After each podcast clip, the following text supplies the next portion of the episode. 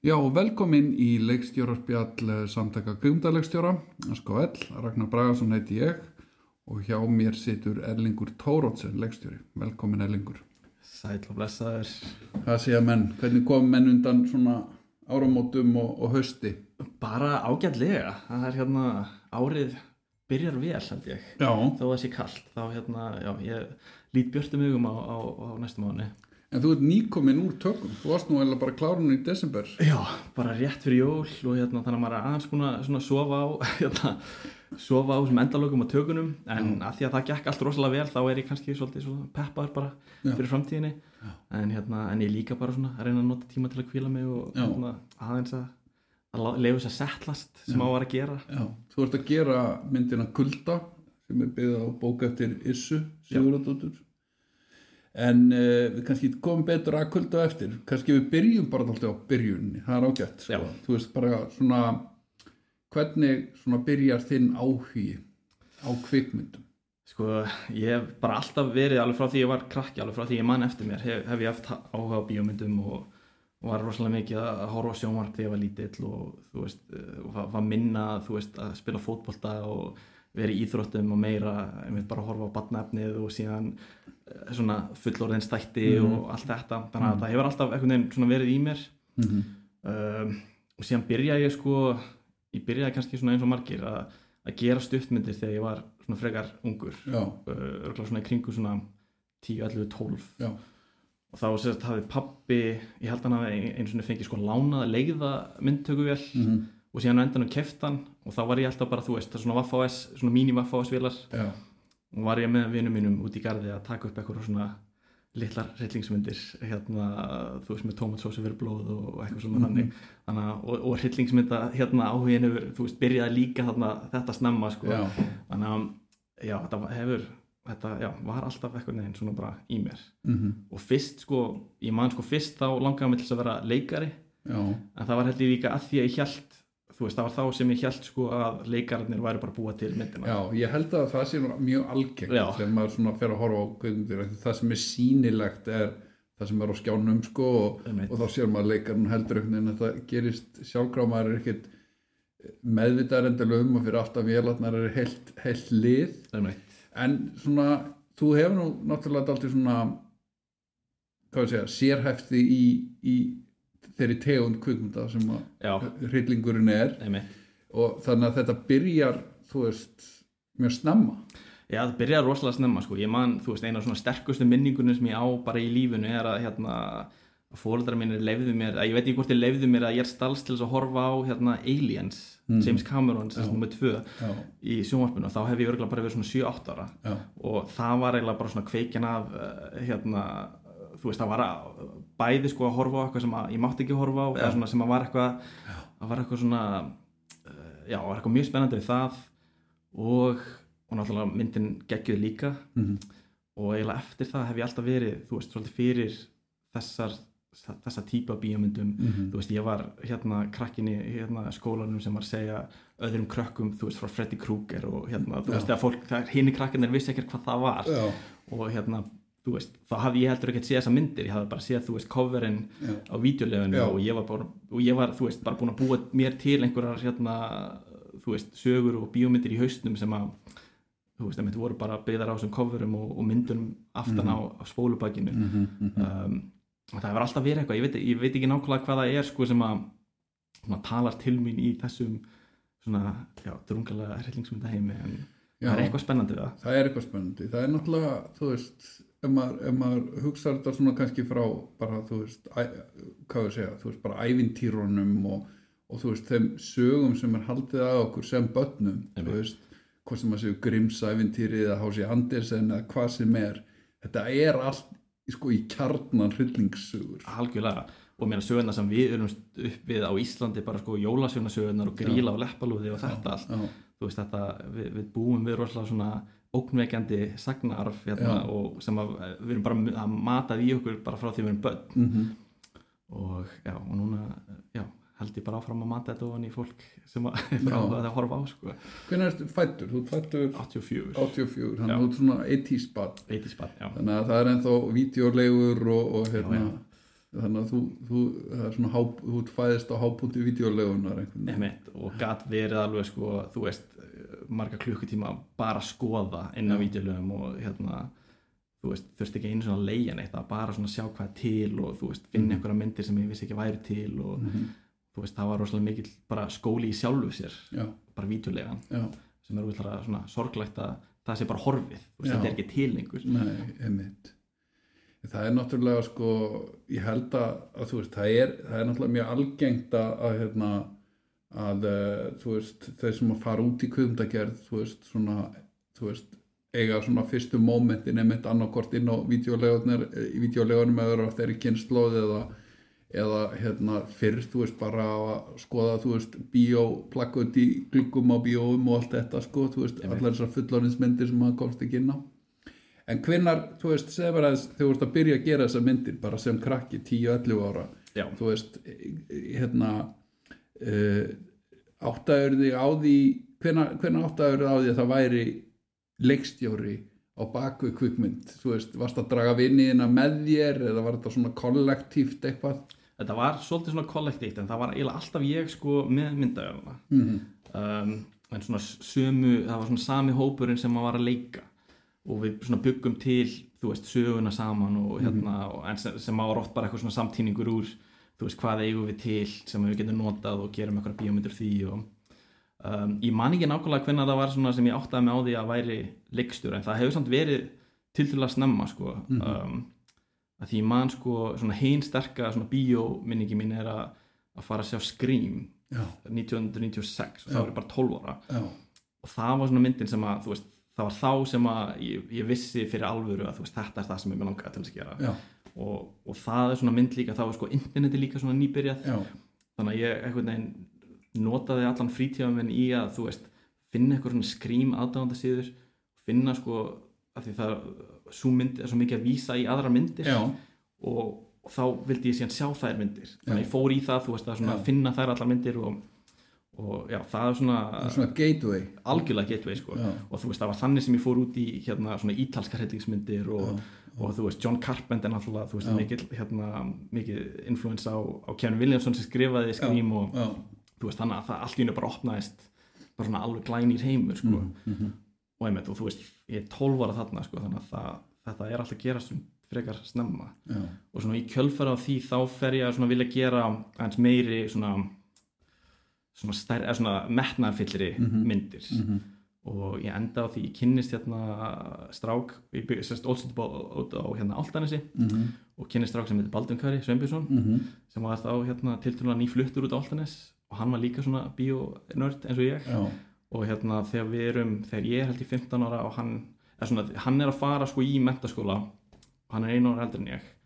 Og við gerum, sko við erum að vinna saman í hérna unlingavinnunni Áltanesi mhm, og erum bara eitthvað að tala saman um hérna, þú veist, bara í einhverju á meðan við erum að vinna, slá gras eða eitthvað að, þú veist, hvað ef að við gerðum mynd, þú veist, bara núna með, þú veist, krökkunum hér? Mhm, og, og ég náttúrulega fór strax út í eitthvað svona hryllingsmynda pælingar mhm, og hérna, og síðan er mér kemur hátíðisli og ég held að ég sé búin að skrifa handritið bara, þú veist, þegar ég kem tilbaka. Já, og við endum á því að taka upp þá mynd það sumar og það var alveg svona veist, þá leigðum við myndavél og hérna, og gerðum þetta svona, þú veist, freka vel. Tókum alveg, þú veist, það var heldur vika sem við tókum í að skjóta hana. Mhm, og hérna, úr því varð til 30 mínuna löng stuttmynd sem heitir, við köllum rip-off. Mhm, því að face-off hafði ný komið Já, út og hérna, já, já. það var svona rip-off. John Woo. Já, nákvæmlega. Og hérna og það var svona byrjunin á þessu öllu saman sko, sko svona að þessum svona alvarlegri pælingum. Þetta við endum á því sko, við vorum sagt, í garðaskóla uh, og við endum á því að sína myndina í garðaskóla, við kliftum líka trailer já, sem við síndum svona í hátíðislinu hérna í garðaskóla og síðan seldum við miða já, 200 kall grættum 40 skall, kom Já. 200 manns já, að sjá og það var einhvern veginn sko svona fyrsta frumsýning fyrsta frumsýningin og það var alveg, þú veist, það er mjög, mjög eftirmin- eftirminnilegt moment a- Mhm. að sína þá mynd og hérna og náttúrulega, þú veist, allir mjög peppaðir þú veist, allir áhörndunir, þetta er náttúrulega allt bara svona vinur okkar í skólanum og, svona eftir það var ekkert aftur snúið, Nei, sko. einmitt og þannig að þú ákveðið svona tiltölulega þá snemma skilur í svona í kjörfra á þessu ferðu þá að velta fyrir þér sko, þú veist hverjir eru leiðirnar skilur þú veist? Já, svona, já já, eitthvað í kringum þennan tíma sko. Því, já, ég var ekkert, þú veist, átt enga svona tengingu, beina tengingu inn í kugumdæmin, þú veist, það var enginn í fjölskyldur minn sem var eitthvað svona Nei. umvalvarið í bíómyndir. Mm -hmm.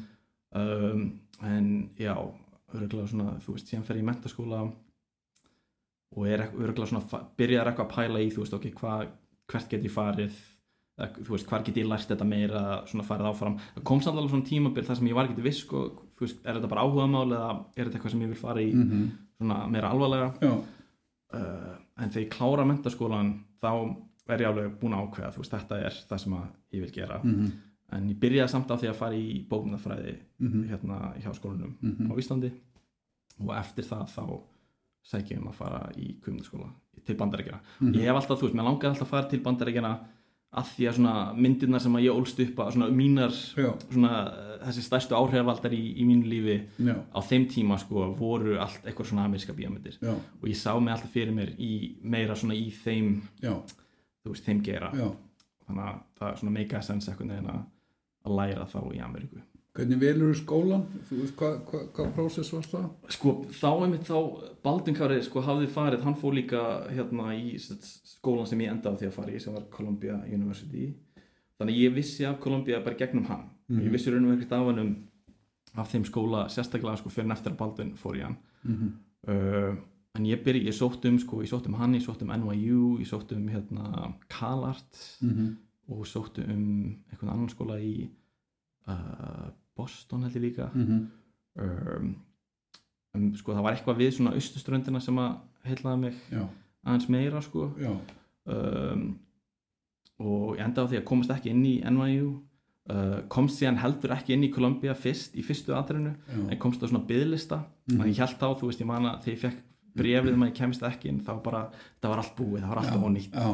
um, en einhvern veginn, þú veist það tók, ég man ekki hvort að mánuður eða tvei mánuður uh, síðan, þú veist fekk ég hérna svona aðra tilraun komst þá inn og já, það var alveg bara, þú veist, ég vissi þá, þú veist, þá var Baldur múin að vera þarna í ár og ég vissi líka, þú veist, að höfðu aðrir Íslendingar verið þarna mm þannig að ég var aðeins búin að kynnast skólanum betur -hmm. á því tíumbili Mm og síðan bara var þetta rosalega spennandi að komast til New York og já, þú veist, og allt það. Og, og ég gerði mér ekki alveg kannski grein fyrir því hva, hversu svona flottur skóla þetta var. Nei, fyrir en eftir ég var komin í hann sko, já, uh, sem var svolítið skrítið að það fór maður alltaf að heyra bara svona, vá, komstu þangað? Já, bara hvað, já. Einmitt. en, já, en það var mjög flott og mjög, þú veist, gaman, gott tímabil og mm Já. en opnaðist þú veist, opnaðist eitthvað vítir við að fara inn í kvikmyndaskóla? Fannst þér þú einhvern veginn sko hvað ég segja sko já, hérna var, varð sjóntendarringurinn stærri? Þegar komað svona bara hvers konar kvikmyndir og horfðir á já, eða, algjörlega, algjörlega. Já, full, mig, þú veist, ég lærði hérna, kynntist fullt af, þú veist já, svona röddum þú veist, annar staðar af Mhm. um, og það var svona fyrsta árið eða svona fyrsta hálfa árið í skólanum þá var ég ekkert eitthvað sko, alltaf ekkert að fara að gera hryllingsmyndir. Nei. það var eitthvað svona, ég hafði áhuga á því og finnst gaman að horfa á þær. Mhm, það var ekkert endilega það sem ég ætlaði að gera. Mhm, þannig að fyrstu verkefnin sem ég var að skrifa voru meira svona uh, svona, þú veist, dramatískar sögur með samt einhverju, alltaf einhverju svona, þú veist einhverju svona elementi, ekkert endilega hryllingselementi en einhverju svona, einhver svona myr, einhverju, myrku, einhverju myrkri. Já, eða eitthvað svona twist bara á Já, svona, já, finnst það er alltaf mjög skemmt, það er alltaf heilla með eitthvað svona twist á eitthvað sem við höldum að við þekkjum. Já, um, en síðan þegar kom að því að gera svona fyrstu hérna stuttmyndina svona fyrsta alvöru verkefnið þá var ég búinn að skrifa einhver handrið sem að einhvern veginn virkuð aldrei Mhm. að mér fannst aldrei virka. Mhm, og ég ákvað bara svona ok, hvað ég prófa að gera bara eitthvað, þú veist, eitthvað svona skeri mhm, og þá einhvern veginn það bara klikkaði allt svona saman, bara Já. svona, mér varst gaman að skrifa það Já. mér varst ótrúlega gaman að taka það upp. Já, og mér varst myndin hætt, eða þú veist, þetta var náttúrulega bara pínu lítið stuttmynd sko. Um, en mér fannst það allt það var eitthvað svona, já, ég sá ljósið sko, já, með það. Mhm, um, en já, en það að þú varst að spyrja um svona aðra rattir sko, þú veist. Ég er að reyna að muna svona hvenar þú veist á einhverjum tímapunkti þá fór ég að horfa rosalega mikið á svona Ingmar Bergman og Tarkovski og Mhm. þú veist ég var náttúrulega komin svolítið inn í ítölsku hérna hryllingsmyndunar Já. á þessum tíma. Argento. Argento, Mario Bava og, og Lucio Fulci fyrir það sem að vilja fara í hans meira í B-myndina já, sko. um, og þú veist, í gegnum það var ég búin að skoða svolítið Fellini Mhm. um, þú veist, þannig að ég man ekki, þetta er allt að gera svona á svip, svona þú veist á sama tíma og ég er kannski í bókmyndafræðinni og einmitt svona fyrstu árunum á New York þá er þetta, þú veist maður er einhvern veginn að sanka að sér fullt af Mhm. hérna hlutum og, og svona, já, fyrir að sjá hluti sem að já, hvernig svona að tala til manns á hátt sem að maður veginn, ég var ekki alveg vanur en Mhm. fannst það spennandi Mhm. Nú er náttúrulega þetta sagt, hryllingsmyndin, hún er náttúrulega, þú veist, nú er ég einfaldaða kannski dálítið mikið, sko, en hún er, hún er náttúrulega mjög svona teknísk, þá meina Já. ég, þú veist, þú þarft að hafa dálítið, sko, mikið vald á miðlinum, svona hinn sjónrana miðli og kannski hljóðrana miðlinum líka, skilur, þetta er svona, veist, þetta er svona, hvað ég segja, svona ultimate, hérna, sjanrað, þegar kemur að svona filmmaking tricks og annars líkt, sko. Einmitt, einmitt. Varstu þú veist, tók því langa tíma svona að þjálfa upp þetta element eða var þetta kannski bara strax frá 10-11 ára aldrinu byrjaði að svona þú ert búin að prófa þig áfram? Ég myndi ekki segja að þetta hefði verið komið alveg strax Nei. sko, og ég myndi ekki einu svona segja að þetta sé endilega komið alveg 100% núna, ég held maður Nei. sé alltaf að, að ég vona það, maður sé alltaf að læra eitthvað nýtt og, og, hérna, og finna eitthvað, eitthvað nýja hluti en, en kannski að því ég var búin að vera að gera svona þessar hryllingsstuttmyndir Mhm. frá því að ég var sem 12 ára Mhm. að þú veist, þá var ég samt alveg búin að svona finna út úr einhverjum hlutum og búin að svona fatta þú veist, einhver element og, og náttúrulega að horfa á allar þessar myndir þú veist, á, ég var farin að svona stílbröðin og, og þú veist, uppbygginguna þú veist, hvernig ætla maður að byggja upp Mhm. Þú veist, gott bregðatrið þú veist, þú, það, það er auðvelt að þú veist, að láta eitthvað hoppa inn í ramman þú veist, út úr hotninu Mhm. en til þess að ná svona ultimate effektnum þá þarf að byggja það upp sko áður en það gerist. Já, og það er flóknara en, en það er svona þú veist, en það er líka skemmtilegra. Mhm. og þú veist, og síðan gerir maður hluti og þeir virka ekki og, og maður prófar eitthvað annað og hérna og já, þetta, þetta getur verið oft flókið og oft það sem maður, heldur að svona, það sem maður með í haustnum þú veist, er ekkert endilega það sem maður virkar best þegar maður er búin að skjóta þú veist, maður stundum þú veist, ofhugsa maður þetta svolítið sko, stundum er það, þú veist, einfaldalegin sem er oft betri en ekki þessi rosalega flóknarleið Mhm. því ég náttúrulega líka sko var þú veist, Argento er náttúrulega svona mikið þegar maður horfir á svona hans svona svona morðsenur sem eru mjög svona uh, þú veist, grand og hérna flottar og operatic nákvæmlega. Uh, og þú veist, og De Palma líka svona ég er mikill De Palma aðdæðandi, ég veit að þú ert líka De. Palma aðdæðandi og, og þú veist, Hitchcock og allt þetta, þú veist, þetta er Mhm. oft þetta er oft uh, þetta getur orðið svolítið stórt og mikið og það er Mhm. náttúrulega, þú veist, og, og þeir voru kannski ofta að vinna með kannski budget sem að maður hefur ekki ennþá fengið að sjá, sko. Já, svona í kannski í listarinn stjórn þú veist, bara með þú veist, leikmyndirnar uh, þú veist, ljósið, þú veist, props allt þetta, þú veist, það þú veist, það er alveg svona það er vikt í, í, í valjúinu, sko. Nákvæmlega, og það tekur bara tíma þú veist, bara, þú veist að gera eitthvað síkven sem að, þú veist, og ætlar að byggja svona upp. Þá þarftu, þú veist, þú þarft að setja myndaðana á ákveða marga staði og, Mm. og, og gera það vel. Og hérna, og ofta er maður að vinna hérna, þegar maður er með þessi minni budget þá er maður að vinna á bara tíma sem að maður bara getur ekki hérna gert allt sem maður vil gera sko. En, en, en síðan líka getur maður fundið, þú veist, eins og segi með, í einfallleikanum er oft líka líkilatriði og atriði sem geta virka betur eða virka öðruvísi. Já, já, maður horfir á, þú veist, bara, þú veist, fyrstu verk, þú veist, Wes Craven eða, eða, þú veist, Mestara Carpenter, skiluru, eða, eða Top Hooper, hérna, þú veist, Texas Chainsaw og allt þetta, þú veist, þetta er, þú veist, í þessu ráa og þessu einfalda, get, þú veist, þetta er allt ljós og skuggi og spurning um andrumsloft, sko. Og þetta er líka, stundum er það líka bara svona þegar maður er svona uh, uh, má sletta hans meira á einsku svona boilara down sko að þú veist, þetta er alltaf bara, þú veist, hvernig ætlar að koma fólki óvart? Já, og hvernig ætlar að, þú veist, þetta er svona misdirection, hvað, þú veist, þú heldur að eitthvað sé að fara að gerast hérna en síðan gerist það þarna. Já. og þannig koma oft þessu svona góðu, stóru, svona skeri atriði fram og það þarf ekkert að gera það með endilega með stóru uppbyggingu, það getur líka bara gerst í mm. -hmm. einfalleikan og þú platar fólki að halda að það sé ekkert að fara að gerast þegar að einhvern veginn allt gerist Mhm.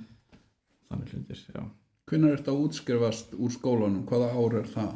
Columbia þá, Já, Uh, það, það er 2013 ég byrjaði 2009 já, og já, ég er að svona klára sko, já, 2013 já.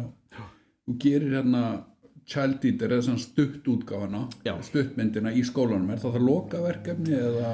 Já, sko við gátum, var, við gátum sem, leikstjórar, þá máttum við gera tvær myndir sem lokaverkefni. Þess að þú gast gert eina og þú gast gert tvær. Mm -hmm. Þannig ég enda á því að gera tvær. Það var þess að Child Eater og síðan önnur mynd sem heitir The Banishing.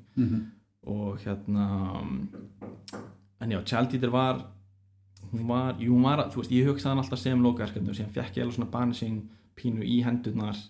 Ég skrifaði hann ekki af annars Já. framlegandi í skólunum sem að bað mig um að, að leikstýra henni þannig að ég endaði á því að, að vera með tvær tvær myndir hann í lókin Og svo expandar Eater í feature hérna nokkur árum setna. Já, því sko Tjaldítir gekk hérna, þú veist, það var svona fyrsta myndin sem að ég sendi eitthvað, eða svona, jú, fyrsta myndin sem ég laði eitthvað svona púður í að Já, frá festival. fara festival og svona, og hún hérna fór víða og fór hérna til dæmis að svona stærsta hátíðin sem hún fór á var South by Southwest. Já, og það var þá sem að þú veist, það var svona fyrst skipti sem að allt í hennu fór fólk að hafa samband og þú veist, fó- fólk sem að hafi annarkvæmst verið á hátíðinni eða svona heyrt, þú veist, heyrt af henni í gegnum hátíðina. Mhm. og þá allt í hennu einmitt fór svona ótrúlegast fólk að hafa samband og hérna þá, þú veist, ég og, og stelpan sem að framleiti þá mynd með mér, hún Perry við hérna fengum bara svona, þú veist, þá byrjum til báða vangi bara svona, ok, þú veist, fólk er að fíla þetta við skulum bara, þú veist, keirum bara á það, gerum mynd í fullir lengt þannig ég byrja að skrifa þessar mynd í fullir lengt og,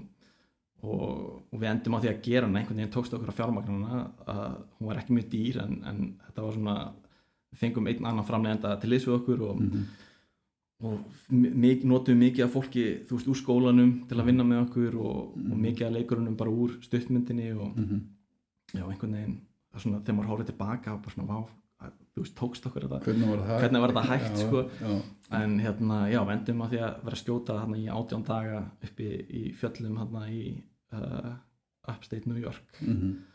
Það var, það var, já, það var skóli. Það var- Hverjar voru svona, þú veist, helstu áskorunar við það? Þú veist, þú, ert með, þú veist, það er flúki make-up í myndinni og, og svona, þú veist, hva, hva, hva, var, var það tíminn, þessir átjón dagar eða hva, hvar lá svona, Hann- já, tími, þetta var ekki langur tími sko, það var eitt og einmitt make-up, við vorum uh, sko, handriti var miklu metnaðarfyllra fyrir það sem við höfðum í höndunum Já. til þess að gera myndina Já. og við eiginlega svona bara vorum það svona vittlausir en við föttuðum það ekki fyrir en eiginlega við vorum komin í gang já, þannig að við vorum alltaf svona aðeins að svona reyna að ná okkur eftir að framleyslan fara hann stað gera einhverjum svona málamillanir sem þó virka. Já, Já. og það var alveg svona þá líka sem ég svona pínu lærði bara hérna sem að uh, er náttúrulega bara gott að vita en maður þarf að upplifa til þess að, að svona læra að, að þú veist það sem er hægt að, það sem kemst upp með í að taka upp stuttmynd sem er kannski þú veist, 2-3 daga, 4 daga í tökum Mhm. það sem er kannski, þú veist, að fara fram yfir á tímanum er ok. Já, þú gerir það ekkert endilega á hverjum degi í bíómynd. bíómyndir fullileg Nei, og, og maður fattar líka þú veist, að, hérna, að það er ekkert allir kannski í krúinu jafn svona, ást, svona heitir fyrir þessu verkefni Nei. og maður sjálfur. Nei, og ég lærið það mjög fljótt þarna á, á tjaldítirmyndinni já, um, en samt þú veist, frábært krú þú veist, ekkert út af það að setja. En við vorum svona, þú veist að, að vera kannski ekki með 40 setup þú veist, skipulöð fyrir einn dag, eitthvað svona þannig sko. Nei, um, en, en þú veist en við kláruðum hana og þú veist það gekk allt vel svona í raun og veru. En, en hérna þú veist við vorum að vinna með, með hérna eh, barni að krakka. Já, og náttúrulega þú veist það að gera allt flóknara að vera með þú veist að því hann gaf bara unni kannski hálfandaginn og, og þannig hlutir sko. Þannig að þetta var bara svona, flókið að setja þetta allt saman á einhvern veginn hátt sem að var mega essens og náttúrulega ískallt við vorum að taka upp sko februar, mars hérna upstate og þá veist það var ógeðslega kallt og mér, þetta var allt sko um nótt og úti og þetta var rosalega svona erfitt en það er náttúrulega líka með hryllingsmynd, við vorum að tala um aðan sko í sambandi við svona teknikal hlutan skilur að því að þú veist, hún, þú veist oft á tíðum þá er þú veist, þú veist eru detailar og þú veist það, það eru mörg sleit yfir daginn skilur mörg setup sko. Uh, þú veist uh, hérna þannig að svona á pappír þá, þá ættir að vera lengur að gera hryllingsmynd en svona hefbundi drama kannski að því að það eru mi oft miklu miklu fleiri setup sko. En í raun og veru þá er yfirleitt hryllingsmyndunar að fá minnsta peningin Já. og hérna og maður þarf að klára á stuttum tíma og einmitt, maður fer ekki alveg mikið tíma ofta maður vill sko Nei, en síðan, þú veist, en, en það sem ég lærði á Child Eater þú veist, það var alveg ómyndanlegt í síðan það sem ég hef gert síðan eftir það, já, þannig að þú veist, ég er rosalega ánæður þó að, þú veist, myndin hafi jú, ég, það er margt í þessar mynd sem að þú veist, ég er mjög hreikin af og, og líka annað sem að ég vildi að við höfum gert betur og, um, en en þú veist, það bara reynslan að hafa gert þá mynd og hafa fengið að gera þá mynd já, þú veist, það hefur hjálpað mér rosalega mikið bara síðan þá. Já. Tókstu svona, þú veist, oft þegar maður gerir myndir á, þú veist þegar maður klárar og allt, allt hefur ríkið hefur svona settlast sko, þá svona reflekta maður á, þú veist, framkvæmdina og, og hvernig til tókst og hvernig maður stóð sig og svo framvegis sko og var eitthvað svona ákveðið sem að þú tókst með þér úr þeirri mynd, þá meina ég næst ég gerir mynd þá ætla ég að gera þetta eða eh, ég þarf að, að, að læra þetta betur og svo framvegis. Var eitthvað svona ákveðið eftir Child Eater? Já, kannski svona aðalega kannski eftir Eater var bara veist að vera aðeins kannski raunsæri bara með hvað ég get gert þú Já. veist á hvernig degi og, og þannig hlutir um, og líka þú veist ég vann mjög vel með þeim leikurum sko en svona eftir áhyggja þú veist þá, þá var fullt sem að bara upp á svona blokkeringu að gera og Já. þú veist uh, bara að stilla fólki upp á ákveðin hátt og, og hafa hans með reyfingu stundum þú veist, ég horfist stundum á senur í þeirri mynd og mér finnst það svo það er ekkert að gerast. Þó að sé margt að gerast þá það er ekkert að gerast Já. sko svona innan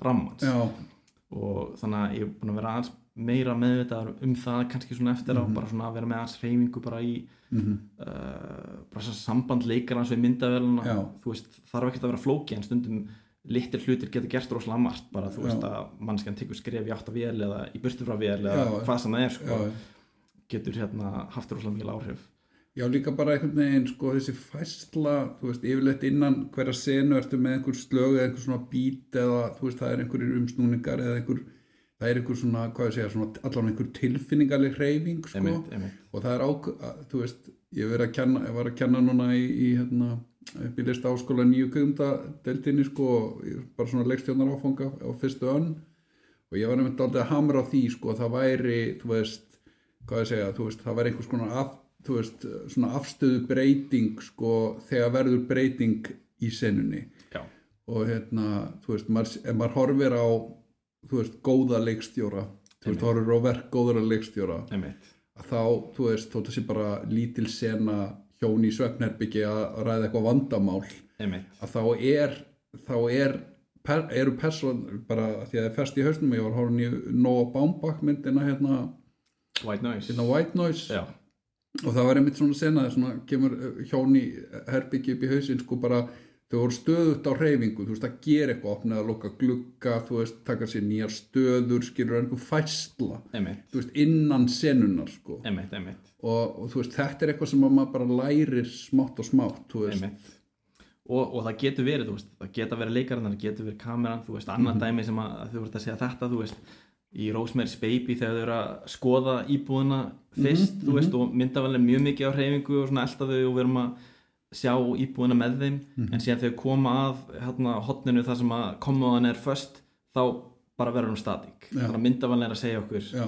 stopp hér og, og það er mjög, þú veist, effektíft. Mhm. og þú veist, þegar maður horfir á hann tilbaka þú veist, það, hérna þetta er oft hluti sem maður fattar ekkert endilega svona við fyrstu sín, sko, en, en eru mjög þú veist, en hafa einhver svona já, einhver svona emotional áhrif á okkur bara Mhm. svona ómeðvitað. Mhm. Það, hérna, já, Því ég horfði á, ég svo tjaldítir sko og hugsaði ég, þú veist bara sjálf, bara automatist út af, þú veist, bara efni myndarinnar skilur þú veist, að þú veist, það var svona ómur, það var svona ómur af, af Wes Craven emitt skilur Já, já, já. þú veist, Nightmare on Elm Street. Og en samt svona, þú veist, og líka náttúrulega Carpenter, þú veist, að einhverju leiti, þú veist, Halloween og eitthvað meira en, en hérna, það var samt einhver svona draum það var eitthvað svona smá draumkent ástand í henni já, það var svona, það var eitthvað stemming sem var, var skemmtileg sko. já það, já, það er gott að heyra Já. Hérna. Nei, það, þú veist, en það kannski einmitt, er þetta svona sem að ég var að segja áðan sko, að mér verður alltaf fundist gaman að vera með, þú veist, einmitt vera með hróllauki en að, einmitt, það sé eitthvað svona eitthvað tvist á það, þú veist og ég, þú veist, ég var mjög inspireraður bæði af, hérna, Carpenter og, og hérna, Wes Craven af þeirri mynd, sko um, en, en þú veist, einmitt, við, þú veist að þetta sé eitthvað neginn um, ekkert endilega sko í einhverjum raunverulegum heimi þetta sé, Nei. þú veist, þetta er bíómynd og þú veist, og svona, sérstaklega svona bíómynd Mhm. uh, fyrir mér sko má alveg vera, þú veist, taka eitt skref út úr já. raunveruleikunum og svona, þú veist, þó að svona vonandi karakterarnir séu svona grounded og séu að gera hluti sem að meika eitthvað, eitthvað sens en, en þú veist, þú veist og í þeirri mynd, þú veist, þá er hérna þú veist, þau elta uh, krakkin hverfur og þau elta uh, fjæðirinnar sem kom úr sængin hans Já. inn í þennan hérna svona dýragarð sem hefur ekki verið notaður í, í langa tíma og þú veist og, og það, einmitt við, eld, við förum, þú veist, með þeim með því alltaf þessar fjæðirir inn í raunverulega nýjan heim Mhm. og þú veist, og þegar maður er komin þangað þá finnst mér, þú veist, ef, ef maður er búin að gera það uh, kynna það vel, sko, að við séum Mhm. að fara inn á einhvern annan stað Mhm. að þá einhvern veginn er svona all bets are off já, og sem að mér finnst mjög svona skemmtileg pæling. Já, en maður þarf líka að gera það þá vel þú veist, þú þarfst að búa einhvern veginn til eitthvað andrumslott fyrir já. áröndan fara inn í Já, til þess að kaupi það. þú eru að bú, skapa reglur. Þetta er alltaf sko þú veist, í, í svona narratífri frásum eða einhverjum heimi sem maður skapar og eru að búa til einhverja reglu, þetta er regla þessara myndar, skilur að því að þú veist, uh, þú veist það er ekki til gott á íslensku, þú veist, bara þetta hérna, þú veist, suspension of disbelief, sko, þú veist, Einmitt. einhvern veginn að, hérna, þú bara kaupir það sem að þér er búið upp á einmitt, og ég hugsa, ég man það var eitthvað sem var svona þú veist svona, ég, mér var að hugsa til sko Night of the Hunter Charles Já, Lawton einmitt.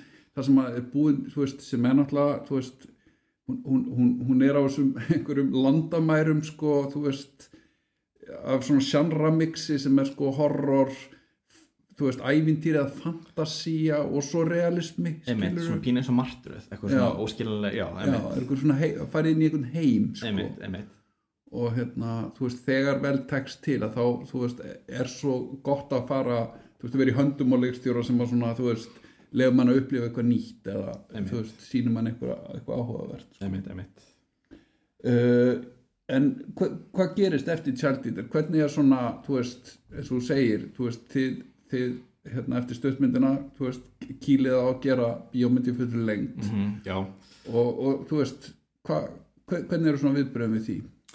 Sko, eftir að við kláruðum hana þá tekum við svolítið svona langt, sko, langt innan gæsalappa. Ég get verið mjög óþólum og mér fannst það vera rosalega langt eftirvinnsluferli já, því að náttúrulega var engin peningur til fyrir eftirvinnsluna og Mhm. þannig að ég enda á því að, að klippa hana svona að mestuleiti sjálfur sko Mhm. uh, og við fengið sko hún Perry sérst hafi gert eitthvað samning við eftirvinnslu fyrirtæki í bandaríkjunum Mhm.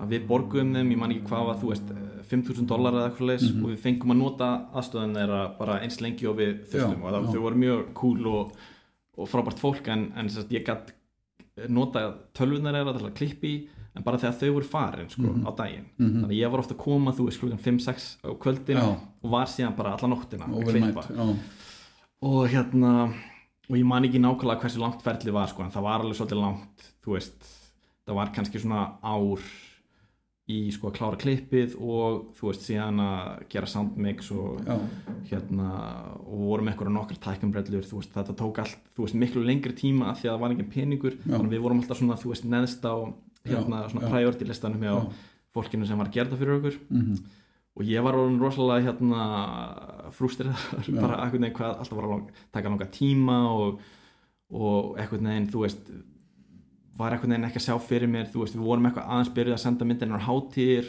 en svona ókláraða útgáfu já, og hún var ekki að komast inn einn staðar þannig að ég var aftur komin í hennar gýr þú veist þetta er bara allt búið Já, þú veist bara er búin að hann byrjar.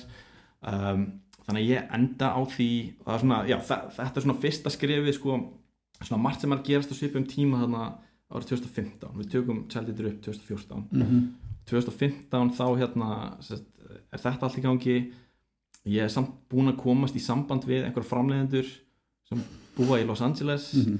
um að mögulega gera eitthvað með þeim Já, og enda því að ég skrifa eitthvað handrit fyrir þá og það er allt bara er að fara að gerast og bara geða spennandi og þú veist það er búið að kaupa fyrir mig flugmiða til Los Angeles og við erum bara að fara í tökur og síðan bara nóttina áður en að ég á að fara til Los Angeles þá fæ ég bara e-mail, við erum búin að cancela flugmiðinum bara, bara sorry við sjáum fram að við getum ekki við erum ekki með peningi til þess að gera saman mm. Og hérna og þá bjó ég, sérst var ég ennþá út í New York en ég var búin að leigja út íbúðinu mína að því ég held að ég yrði Mhm. núna þú veist í einhverja 2-3 mánuði í burtu Mhm. þannig að sérst, það var að koma inn leigjandi og þú veist það var einhvern veginn eitthvað hrikalegt ástand sko Já, og ég var líka að koma þú veist úr eitthvað svona sambandslitum á þessum tíma, þetta var svona, þetta var algjör Já. svona low point einhvern veginn já, og ég ákvað sérst, að því að ég gæti ekki verið í íbúðinni hvort þið er að fara bara aftur til Íslands Mhm. Og pínur svona með hérna rúuna að milli lappana og hérna og, en samt sko var einhvern veginn algjörlega hérna, ákveðin í því að þú veist ég ætla ekki að hérna, ég ætla ekki að láta þetta þú veist eðilega neitt, ég ætla bara þú veist ef ég get ekki gert þessa mynd þá ætla ég bara að gera eitthvað aðra mynd Mhm. og ég ætla bara að gera hann sjálfur. Mhm. og þá byrja ég að skrifa þessar drökkur. Já, og hún náttúrulega, þú veist, fjallar rosalega mikið um sambandslit og það var ég að taka hérna það, þú veist, sem að ég var nýbúin að lendi í. Já, skrifa þá mynd og hérna og það ann, þú veist, aftur svona eitthvað neginn ótrúlegt en satt eitthvað neginn tekst mér að hérna að koma saman einhverju, þú veist, pínu litlu budgeti fyrir þá mynd Mhm. uh, ég átti eitthvað smá pening um, framlegandinn hérna Búi Baldvinsson Mhm.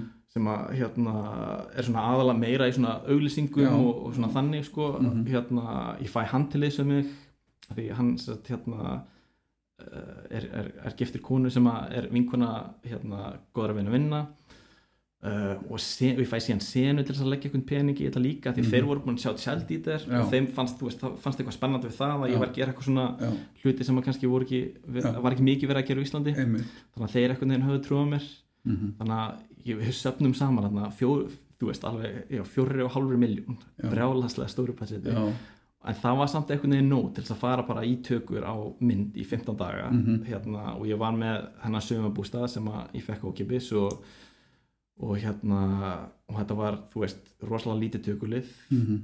við vorum, þetta voru bara tveir í tökuleginu já, og þú veist, mamma mín var með hérna, catering Já. og sýsti mín gerði búningana og og einn af bestu vinnum mínum var með production design, þetta var alveg bara svona algjörlega svona homegrown já, mynd.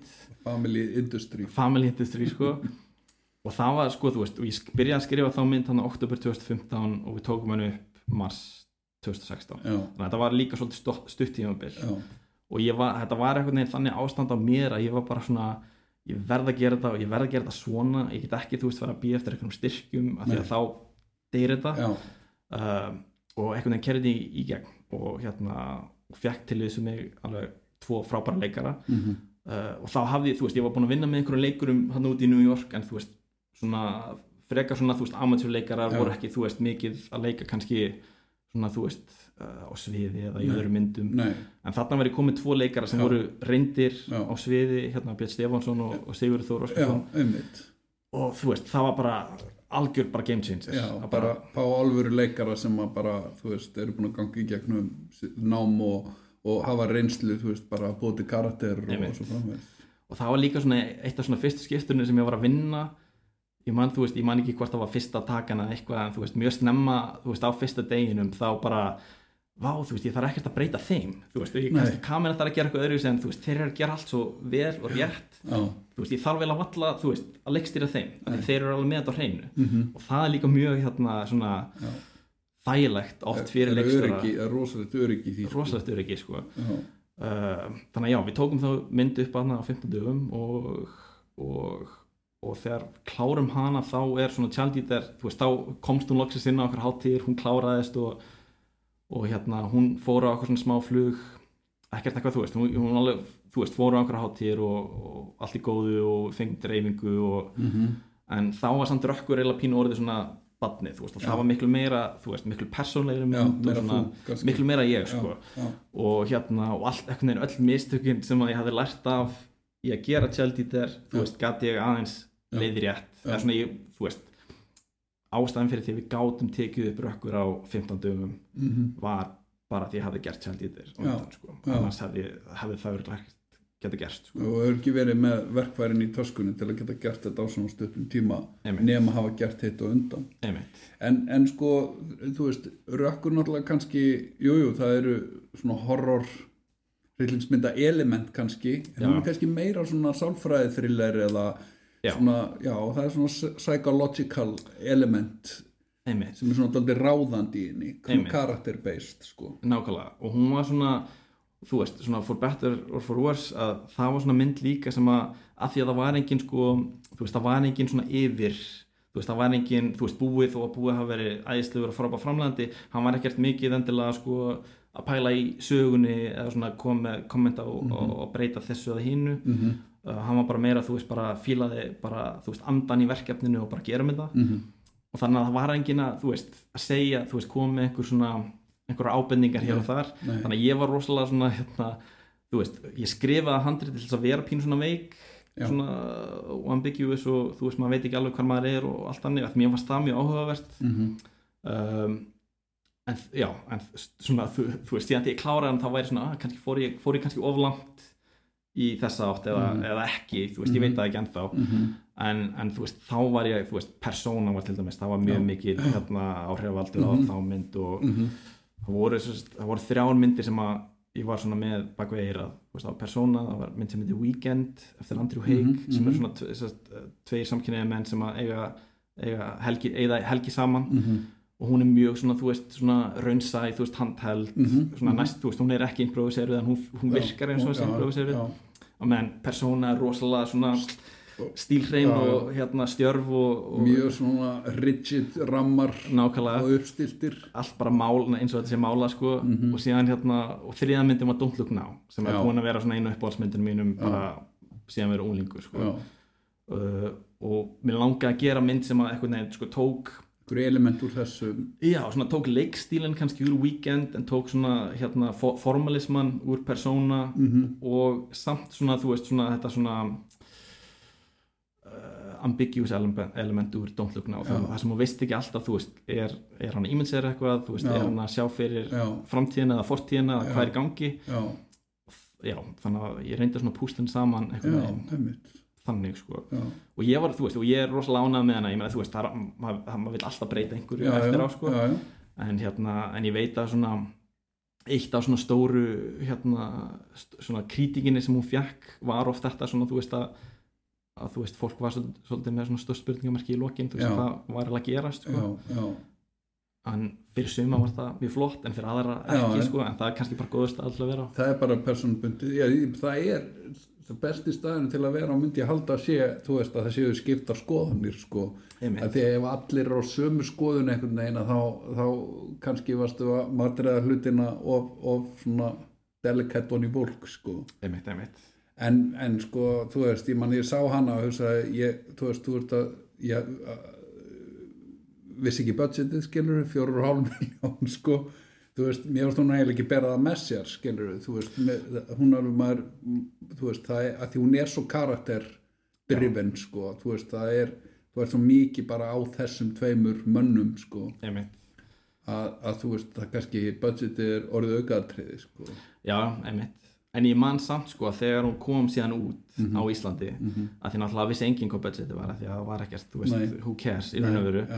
en mér, ég, ég man, mér fannst það pínu svona uh, svona sárt innan gæsalappana mér fannst hún stundum sko borin svolítið mikið saman við gaggrind Já. veginn út frá því að því það náttúrulega, þú við fengum sko eftirvinnslustyrk frá já, kveimdasjóð já, þannig við gaf, fengum smá pening til að klára hana. Já, um, en engan pening í framleystuna Mhm. en við þurftum náttúrulega að setja logoið þarna fremst. Já, um, já þá, þá komin eitthvað svona já, eins og, eins og myndin hafi styrt Já. sem hún var, en, Já. en kannski ekki á sama hátt og, og þú veist, mynd sem kostar 200 miljónir um, þannig að mér fannst það stundu svona ég svona pínu að mér finnst pínu svona hafa vanta kannski á Íslandi svona uh, einhvern svona vendarvæng undir independent já Hérna kvikmyndir. algjörlega. Og, og líka kannski bara þú veist, ef við tölum einmitt um það sko, sem að, nú eitt sem er langað að ræða við þig í sambandi við sko, sjanrað ef við tökum svona horror sjanrað já, að þá hefur, það, þetta er svona sjanra sem að þú veist, er litið okkur niður á skilur það, það, veist, það er eitthvað svona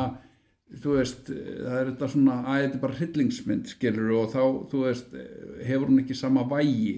Já, og það er ekki nema þú veist, þú veist bara tölum um, þú veist, Craven eða Carpenter sem að enn þann dag í dag eitthvað neginn, þú veist, fá ekki þann status í kvikmyndasögunni sem þeir eiga að fá og, og, og, og sérstaklega Carpenter myndi ég segja einmitt, sem er eitt bara svona færasti kvikmyndarlegstur í sögunni. Einmitt, einmitt. Og þú veist svo, svo náttúrulega þú veist líður sagan og, og hlutir breytast og, og hérna hlutir eru endurmetnir. Og þá allt í einu þú veist þegar koma þú veist nýjir þú veist einhverja nýja stjörnur og fara að tala um sína influensa og fara að tala um Carpenter eins og margir gera að hérna því að hann er svo mikill kvikmynda gerðar manna leikstjóri einmitt. að hérna, þá allt í einu fer hann að fá eitthvað vægi veist, og við, nefndi á þann hérna Night of the Hunter. Ég meina Lotton, sko, þetta er eina myndin hans. Veist, gerð hann á 56 eða hvað hún er gerð og hún, henni bara slátrað. Einmitt. þú veist, það mætir enginn í hús það, þú veist, gaggrindur hrauni við myndina, Einmitt. allt þetta og, og svo hraðspólu við 50 ár fram í tíman Einmitt. eða 60 og eitthvað ár fram í tíman og hún er bara, þú veist, topp 5 mynd yfir bestu myndir sem gerð hefur verið, sko. En það var, var það ekki líka einmitt af því að henni var svo illa tekið að hann ákvaða bara ég ætla ekki að gera Nei, þetta þa- þa- þetta bara, þetta bara drap, hérna, drap niður þú veist, hérna, kvötin hans að gera fleiri myndir sem er algjörs bara, það er bara sorglegt. Einmitt, og hérna, en þú veist hefur fundið fyrir þessu þú veist eh, sagt, að, að þú sért ekki tekin alvarlega eða þetta sé svona uh, þú veist, annars flokks. Já, já, sko jú, já, mér hefur alltaf fundist uh, já, það er svona annars flokks sem að fylgir bara greinin en ég man sko ég, þú veist, hérna einmitt, eftir að hafa, hafa gert sko rökkur og, og þetta var, þú veist, eins og ég segi þetta var mjög fátt fólk og, og þetta var algjör svona, maður var að íta þessu, hérna, þessum hnullungi fjallið sko og síðan kemur, þú veist, uh, frumsýningin á Íslandi og, og ég man bara, þú veist, að því hún fekk ekki mjög góða dóma, þú veist, á hérna Íslandi. Mm -hmm. en henni henni var búið að ganga, við vorum búin að frumsýna í bandaríkunum já, og þú veist, hún var búin að fóra fullt á hátíðum og, og gekk mjög vel og fekk mjög góða dóma, þú veist, á svona festival mm -hmm. hérna ferðinni. En síðan hérna á Íslandi það var svona, hún var pínu svona kannski ekki slátra en svona freka bara svona með, bara þú veist. Ok, eitthvað, sem að þú veist bara fæn, þú veist, fólk þarf ekkert að fíla myndina. En, en, en það var svolítið svona, ég man bara þú veist, einhvern veginn uh, eftir einhvern veginn allt þetta, alla þessa vinnu það var svolítið, það var pínu svona eins og einhver væri að sparka mann í magan sko og, og þá fannst mér sérstaklega sko að fólk væri ekkert endilega að horfa á hana uh, í svona í, þú veist, með þetta svona independent þessar rætur sko Nei. í huga það var meira svona að horfa á hana sem bara partur af bara, þú veist Já. einhverju svona bara innan vekka íslenskar kvikmundagerðar einhvern veginn er sem einhver standard og sérstaklega logoð kemur undan KMI logoð Einmitt. Og sem er náttúrulega, þú veist, maður náttúrulega ræður aldrei viðbröðum fólks, þú veist og fólk bara bregst við eins og bregst við Mhm. en, en ég man, þú veist, ég hugsaði rosalega mikið um það þá að, þú veist, það vantar pínu svona, ég held að Íslendingar og kannski Íslendingar gaggrunnitur sem að pínu svona, þó að þeir séu kannski ekki jafn mikilvægir í dag verið voru fyrir einhverjum árum, Mhm. en þeir setja stundir svona tónin, sko, á, þú veist Mhm. bara hvernig umtalið já, verður já, að að ef að þeir get ekki sett þetta í samhengi við einhver svona Já. hérna svona óháða kvikmyndagerð, Já. ódýrar kvikmyndagerð já, að þá, þú veist, mér finnst það svolítið sorglegt sko. að því að hérna, ég held að sé fullt af áhugaverðu fólki að gera áhugaverðu hluti Mhm. á svona, þú veist, hérna svona u- utan fyrir hérna kvikmyndasjóðsráman, já, sko já, en það fær ekki alveg kannski þú veist, það vantar pínu svona, það þarf að vökva það líka til Já. þess að vaksi, sko. en þetta er náttúrulega, þú veist uh, ef við tölum um einmitt bara íslenskar kvikmyndir eða já, tölum bara um, um það sem íslenskar kvikmyndir að, að það, það sem hefur náttúrulega kannski svona háð okkur náttúrulega, þú veist, og margar breytur sem, að, sem faktora inn í það allt saman er að það er svona ákveðin einsleitni Já, í, í sko tegund í bara tegundum mynda. Þú veist hvernig Já. myndir gerum við og, og hérna, þú veist auðvitað getur maður ekki daglæft að það eru gerðar alls konar myndir þannig sé en það er svona það sem er ráðandi er það sem við skulum kalla þú veist einmitt, sem er svona daldið svona þungt og, og hérna þú veist og það er svona mótað daldið inn í system. Já. þú veist það er eitthvað kerfi við líði á hverjum tíma og kerfi sem hefur við líði sem er ekki bara eitthvað kvikmynda sjóður eitthvað einangra fyrirbæri heldur er líka bara hvernig fjármögnum við myndirnar skilur við, þú veist það er, það er ákveðið svona einmitt, og, og, og, og, hvað, og hvaða ferðala tekur myndin svo, skilur við, þú veist, og þannig að þú veist, það sem að við gerum, það sem er svona, við erum orðin mjög góð í, er, er þetta svona arthouse drama sem er svona, hérna, með ákveðnum leiðum, svona sjóðaleiðinni og, og svo ferða á, á A-festival eða reynir að komast á A-festival reynir að sapna velunum og selst eitthvað svona, þú veist, það, það er svona, þú veist, hérna, e- e- þetta er svona ákveðin tegund myndar. Eh, það sem hefur vantað mjög mikið veist, er fjölbreytnin þú veist, og og auðvitað kom alltaf einu og einu mynd, þú veist, rökkur kemur eða leynilokka eða þú veist, einu og einu gamamynd og eitthvað svona þú Einmitt. veist, en það er svona frekar undartekning heldur en eitthvað svona, þú veist, partur af einhverjum, einhverjum svona potti sem er sjóðandi, sko. Einmitt, og ég held líka þar líkit aldrei uh, einhver flöskuhál sem er í kvikmyndasjóði að þau vita þú veist, þú veist hvað þau er að fá inn þegar kemur þú veist, leikstjóri með track record með nýtt drama skilur við, þú veist. einmitt, er svona, já, ok, sjá það fyrir sér sko. en, en þegar kemur leikstjóri nýr, ungur eða hva, hvað aldrei sem hann er og hann er með mynd sem er svona utan þessa, þessara, þessa mengis að þá svona, þú veist, er það ekkit endilega auðsótt sko. einmitt og, einmitt og þau get ekki séð fyrir sér endilega sem að í mínum augum ætti að gera það meira spennandi. Ef þau get ekki séð fyrir sér þú veist, ef það er eitthvað sérstaklega ef það er eitthvað svona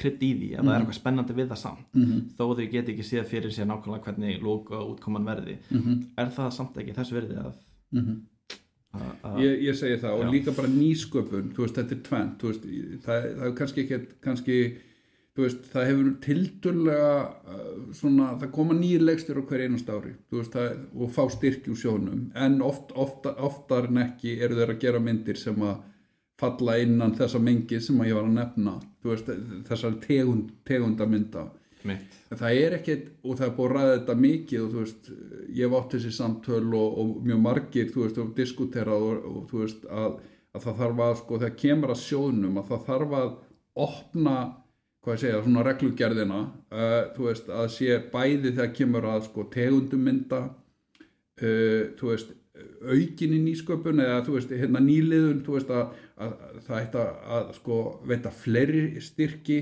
Já. lægri styrki skilur þú veist, þú veist sem dæmi þú veist, meðalstyrkun kannski í dag 100, 120 miljónir þú veist hvað með að skipta einum slíkum styrk niður í þrjá já, og láta þrjá þú veist, nýliða hafa 40 miljónir hver. Einmitt, þú veist, sem er þú veist, tíu sinnum meira en þú gerir rökkur fyrir. Einmitt, einmitt. Þú veist, bara til að, að hérna, og, og, og það náttúrulega þarf að, þarf að setja eitthvað ákveðna kröfu á að efnislega séu þau verk, verkgerleg skilur innan einmitt. ramma hérna, hérna, budgetsins og svo framvegis. Og annað sem ég náttúrulega hef hérna, barist mjög mikið fyrir og fleiri hafa hérna, tekið undir og, og tekið þátt í það er að breyta bara þú veist, þú veist að það sé að gera kvikmyndir með fjölbreytari aðferðum. Að þurfi ekkit endilega alltaf að, að liggja fyrir eitthvað 90, 120 blaðsinn að útskrifa eitthvað handrit heldur þú veist, þú veist kvikmyndasagan er uppfull af verkum, mestaraverkum sem eru gerðar, Já, ger, gerð með óhefbundnum aðferðum. Einmitt, en resöltið er samt alveg, já gott sko. Einmitt, myndi, myndi Mike Lee fá styrk þú veist? Nei, það, það er einmitt, hann er bara, þú veist, hérna, ég, ég nefni þetta því ég geri hérna börn og fóreldra, þú veist, á einhverjum svipuðum skala budgetlega eins og þú ert að nefna, geri tvær myndir fyrir einhverja tæpar 10 miljónir, skilur Já. Og fá, nota benni fá hún svo eftirvinnslustyrk, skilur þú veist, að því við bara, það kom í ljósa þótt að aðferðin væri tilrunakend að þá var resöldi bíómynd. Já, að hérna og þetta er 2004-5 sem ég er að gera þetta. Og við erum sko 17 árum síðar það er, e, hefur ekkert breyst. Og þótti ég kæm í dag þú veist, og haf, hafandi gert tvær svona myndir og unni með óhefnundum aðferðum að þá gæti ég ekki einu sinni farið inn í sjóðun og sótt um að því að reglugerðin segir the computer says no, Snow, sko. einmitt, einmitt Hmm. já, þetta er, þetta er mjög frústrerandi sko og líka að því að það skapar þetta svona, svona það sem kemur kjölfarið er að, að við sem áhöröndur við, við þekkjum eða bara svona eina típu af, af bíómynd þú veist, og við, við þurfum líka að þjálfa fólki að horfa á þú veist, öðruvísi Mhm. íslenskar bíómyndir Mhm. og einmitt ódýrar íslenskar bíómyndir og Mhm. Þannig að við getum, þú veist hérna já, bara fa- fagnað öllum þessum þú veist, fjölbreytileika líka sko. Mhm. að því að ef, ef við erum bara horfum á allar þessar svona myndir sem að passa ekki inn í ramman og, einhvern veginn bara svona afskrifum þær að því Mhm. það er tekja ekki í ákveðin box eða er ekki kannski að fáar og, og, og myndirna sem að fá fullastyrki að þá, þú veist, einmitt, þá erum við að, að, að útiloka sem margt sem að er, þú veist kannski er, er myndirna ekki fullkomnar en það er kannski eitthvað í þeim sem að er frábært Já, sem að ætti að, að svona nörtjöra Já og það er líka að því að þú veist við sko kvikmyndagerð er, er sko prósess að því leiti að leikstjóri hoppar sjaldnast fullskapaður og höfði safe skilur þú veist Já. við þurfum að gera myndir til að verða góðir eða við þurfum að gera mynda þú veist, uh, þú veist til að vera góðir leikstjórar þá þurfum við að, að hérna, veist bara fá tækifæri til að, að prófa okkur áfram skilurðu, og gera, fá líka að gera mistök og svo framvegis. Og, og hérna uh, veist rauksendafæslan fyrir því að first time leikstjóri eða leikstjóri sem er að gera fyrstu mynd að hún eða hann fái veist fullan styrk í fyrsta verkefni hefur alltaf verið, já það er svo erfitt að fjármagna fyrstu mynd leikstjóra ég myndi segja sko í flestum tilögum þá, þá er betra að, að láta fyrstu mynd leikstjóra bara eins og þú gerðir að, að, að, að þú veist að snýða sér stakk eftir vexti gera eitthvað Já. sem er innan gæðslapa einfalt þá er meina umfangslega æfa sig, þú veist, hafa gert eina innan gæðslapa low budget mynd þar sem þú ert bara, þú veist, að þjálfa þig og, og bara safna þeim verkfærum í þá kistu sem þú þarft, skilur einmitt. Þannig að þú veist hérna, ég, ég, ég myndi segja sko að það þurfi jafnvel að vera bara eitthvað kerfi í gangi.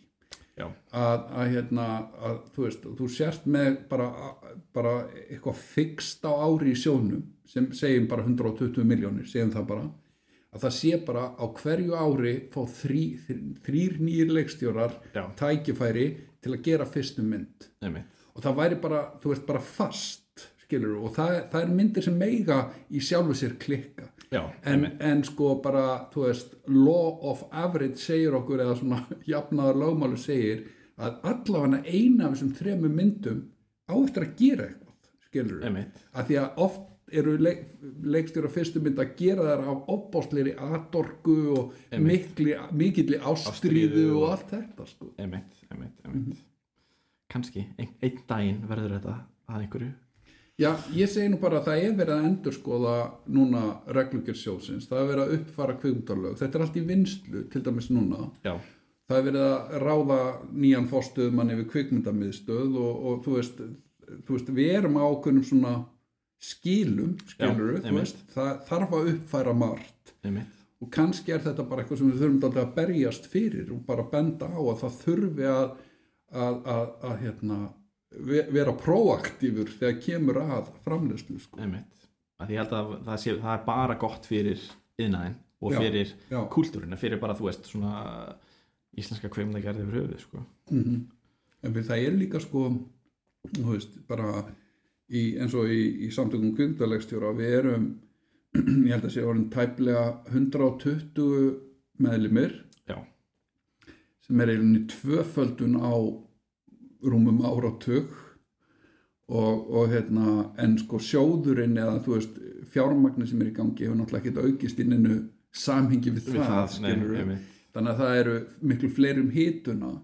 Þannig að sko að það, er, það er svona, þú veist, á pappirnum ef þetta heldur svona áfram, þá verður sífælt erfiðara fyrir fyrstu mynda leikstjóra að koma inn og gera myndir sko. emitt, emitt Herðu, hérna, já uh, er eitthvað svona ákveðið í ferlinu? Við, þú veist, nú skrifaru handritin yfirleitt sjálfur og svo leikstýrur og þú hefur klift og þú veist, þannig að þú veist svona, þú veist uh, með hendurna, puttana í, í Í öll í öllu. ferlinu. Já, er eitthvað svona ákveðið sem að þú veist, veitið þið meira ánægja en annað, skilur við, þú veist?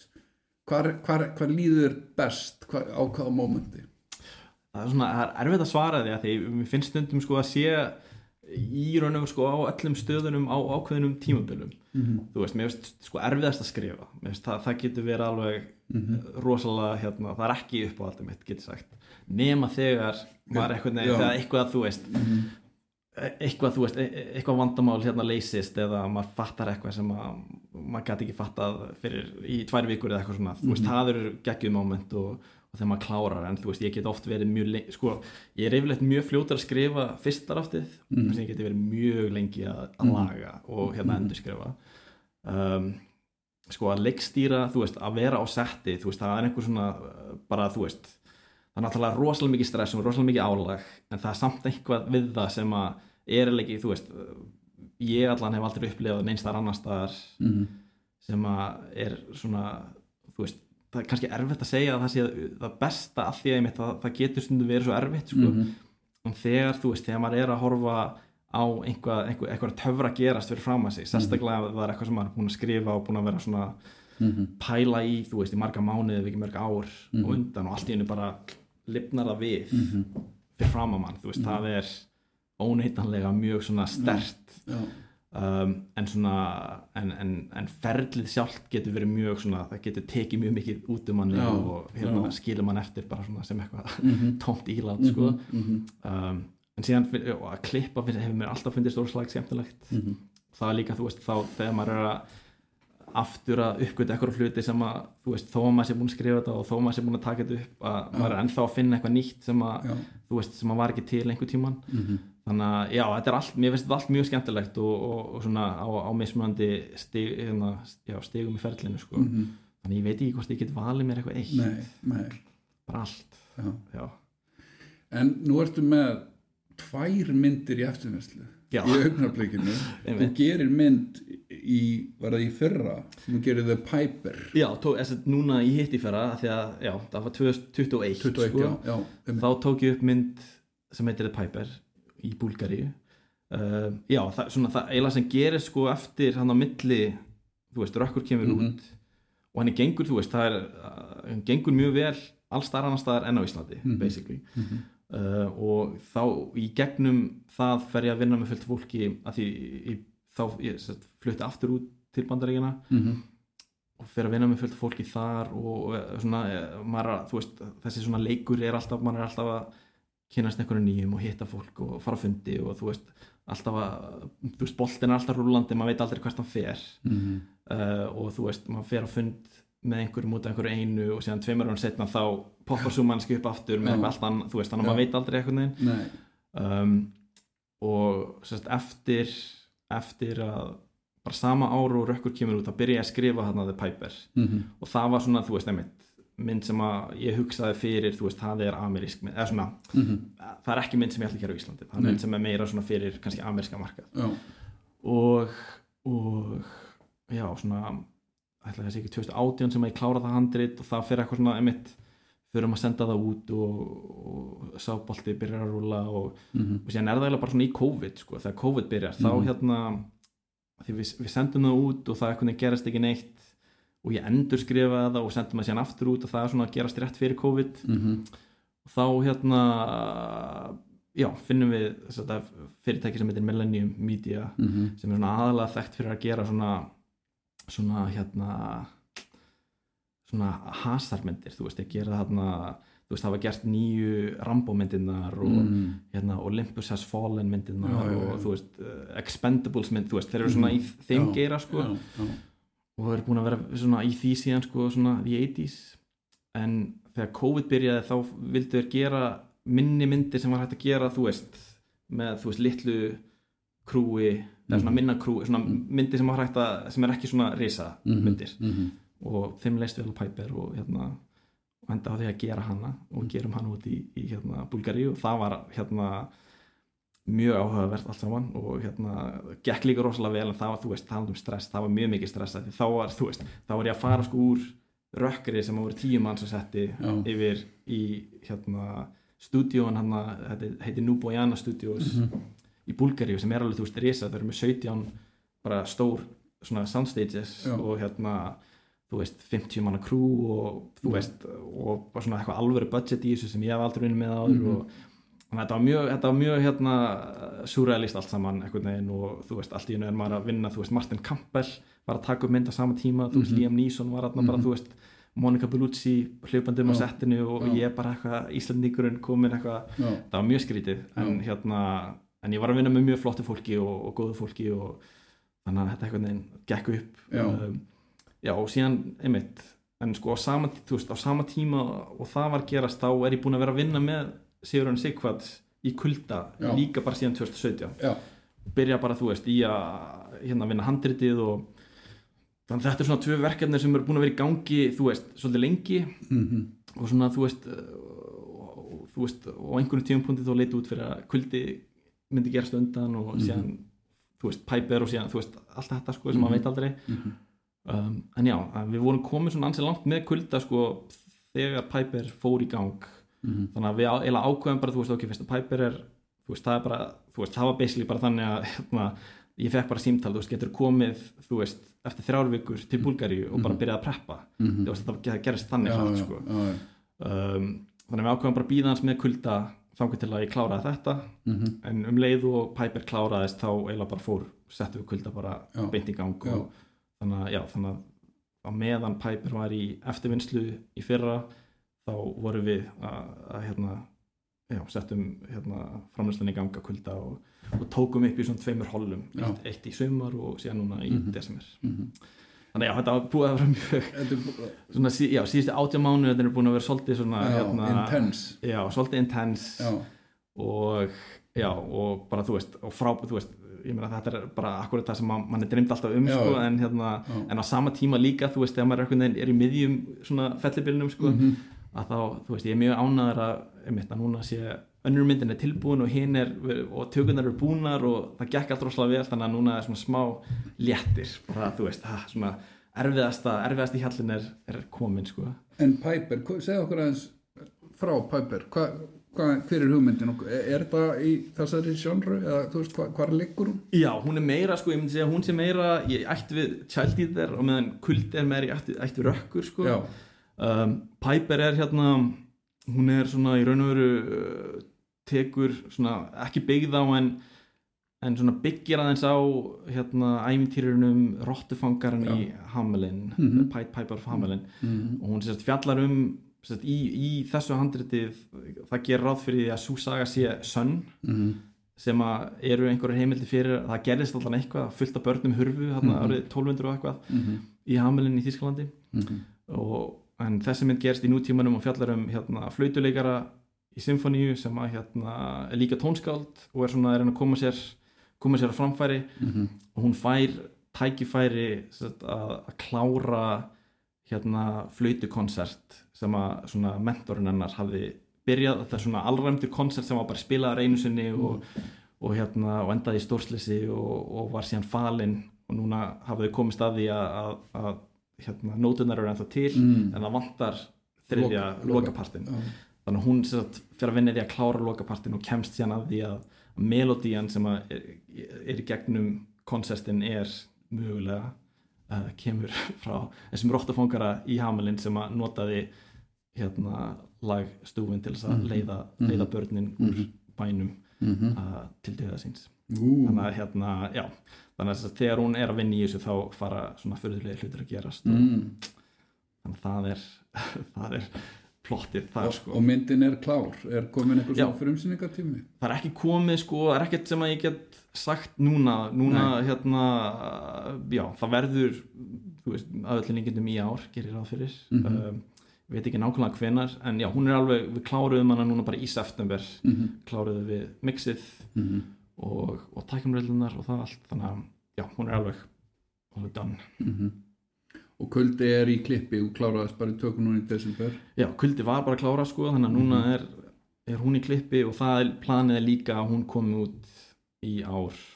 En ég má ekki kannski tala of mikið um, um hvenar og hvar og, og það allt. einmitt. en já, en það er mjög það er einmitt, pínu svona surrealist að vera með veginn einmitt að tvær myndir í gangi á sama tíma. Já. það er svolítið, já, það er ekki að það er frábært það er bara frábært það, það gerist nú ekki oft sko. Hérna mér langar aðeins svona ræða um, um sko svona uh, svona samvinnu við listrann og stjórnendur af því að Já. þú veist, fólk kannski svona þú veist uh, þú veist leikstjórin er ofta eitthvað svona þú veist, hann er á póstöfnum og, og, og þú veist, við erum alltaf eitthvað svona þú veist, andlit myndarinn er ofta tíðun þú veist, oft skrifum við handritið og keirum og, og þú veist, erum svona höfu verkefnisins.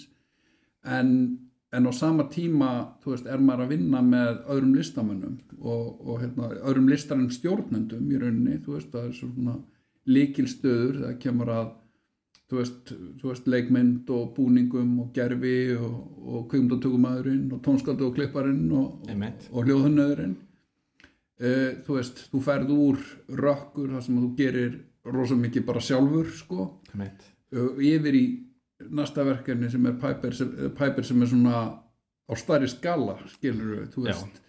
Þannig að, hérna ta- veist, hvernig svona nálgastu vinnuna með, með listanum stjórnum sko á, á til dæmis The Piper þá hérna það var svolítið svona spes fyrirkomulag að því ég þá voru mér gefnir hérna heads of department. Það er bara fyrir afhend eitthvað, eitthvað, eitthvað fólk. Ekki allir sko, ég Nei. fekk að þú veist velja tökumann og hérna og þetta var alveg svona meira sko, veist það, var bara svona listi, veist. Þetta eru þetta er fólki sem við vinnum með Já, já. og þú veist, það var kannski hægt að velja um einhverja tvo hér og þar, en Já. þú veist það var basically en, en það var allt mjög flott lið og, og að gera fullt af myndum og, og vinna á svona á stórum skala þannig að veist og, og frábært að vinna með Já. veist, fyrir mig sem að þú veist, þó að þetta hafi ekki verið fyrsta myndi mín þá leið mér stundum eins og þetta væri þetta var svona fyrsta myndin í þessu Já. umhverfi sko. Já, þannig að þau hérna voru mjög hérna næs og góð og gott að vinna með Mhm. uh, en ég fekk að hérna að að finna með tökumann og hérna enda á því að vinna með ískum, frábærum ískum tökumanni sem heitir Daniel Katz um, en þú veist en uh, fyrir mig sko hefur þetta alltaf verið ég held að það hafi verið sko Sigurðan Sigvardsson sem að gaf mér þetta ráð einhvern tíðan fyrir lengu að þú veist, því meira af fólki með meiri reynslu en þú Mhm. sem þú getur sapnað í kringum mig Mhm. því betur á eftir að ganga já. og ég held að það sé mjög satt Það, er, það er mjög satt sko. Já, þannig að ég er mjög hérna, fylgjandi því þú veist, og, og ef þú ert að vinna með fólki sem að þú veist, kannski ert að vinna með í fyrsta skipti en, en yfirleitt getur þú svona séð hvað þau hafa gert og, og hérna, fengið svona smjörst þeim að því einhvern veginn, mm Mhm. ef þú treystir þeim að leifa þeim bara, þú veist að gera sitt, þú veist, ég Mhm. kannski leggja einhverja línur Já. og, en, en þú veist, ég er ekkert endilega að skipta mér ómikið af því þú veist, hvað ef að þau koma með eitthvað góða hugmynd og það er betur en mín hugmynd mm þá tökum við þeirra hugmynd sko, já. alltaf Já, um, ekki nema að stangist á við eitthvað kannski sem að Mhm. þú veist sem að, sem að ég sé en þau sjá ekki en, en, en, en það gerir líka bara lífið miklu einfaldara og þægilega fyrir leikstjóran Mhm. ef ég get treyst þeim bara Já. fyrir öll þessu uh, og ég verið mjög heppin sko, með bæði í hérna, svona litlu myndunum og, og í sem stærri að, mhm, að vinna með alveg ótrúlega hafileikaríku fólki og, Mhm. sem að ég get fyllilega treyst já, og já, þannig að mér finnst þú veist, já og bara ég læri svo mikið af því að vinna með þeim líka. Já. bara hvernig, sjá hvernig þau vinna já, hvað þau eru að hugsa, hvernig þau pæla í hlutunum. Mhm, það hjálpa mér rosalega mikið bara. Mhm, og þau, þú veist, er að spyrja spurninga oft sem að náttúrulega bara þau þurfa að vita fyrir sína vinnu Já. sem að hjálpa mér líka bara, þú veist, að þetta er þetta er svona, þú veist, vingill sem ég hafði kannski ekki endilega pælt í mhm, en, en breytir, þú veist, getur breytt miklu og, Mhm. og, og diffka hlutina Mhm. og, og gert það betri. Og sérstaklega svona í kulda sko, það var kannski meiri tími sem ég hafði í kulda að því, þetta var, að því þessu var skipt í tvö tímabil. Já, þá gæt maður svona, svona setið í því aðeins lengur sko, mhm, og það var som, sem að þú veist frústrirandi á einhver, einhverja vegu bara því að þú veist að taka pásu og byrja sér aftur það er alltaf svona, já, maður þarf alltaf að koma sér aftur í gang sko, Mhm. eða svona koma batteríun aftur í gang. Mm en, en maður gata einhvern veginn hugsað allt rosalega vel og hérna sem að ég held að hafa gert bara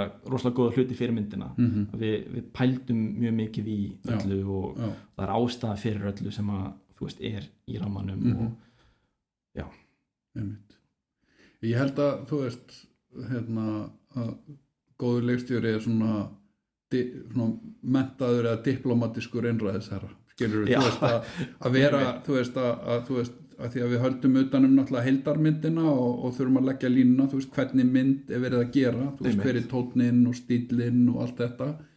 En svo er að fá með sér fólk sem að í rauninni gerir það betra heldur, en- en upphálega þú veist maður sér eitthvað fyrir sér og hérna en svo fær maður fólk sem að gera það bara ennþá betra skilur fólk sem er sérhæft í sínu skilur einmitt og maður kannski einmitt, maður setur eitthvað tón en síðan þú veist að leifa þeim bara þú veist að semja lægið líka, Já, þú veist að bara já. þú veist hvert fara þau og stundum, stundum fer fólk kannski of langt eða Mhm, í einhver aðra átt og þá er það líka manns vinna að maður þarf að draga Mhm. tilbaka eða, eða færa færa einhver aðra átt en, Mhm. en þú veist að, já, hæfileika ríkt, ríkt fólk sem að er að þú veist hefur líka einhver svona ástrið fyrir verkefninu mhm, þú veist, það er líka bara gaman að sjá hvað kemur frá þeim sem Mhm. að, einmitt, ég hafði ekki ímyndað mér og hafði Mhm. kannski ekki geta þú veist, að því oft er maður einhvern veginn svo, þú veist, maður er ekki kannski með maður þarf að vera með fókusin á svo mörgum stöðum Mhm. að maður getur ekki kannski haft að, þú veist nei Já. það getur ekki mikromanagerað og maður á ekki að gera það Maður á- aftur, já, þú veist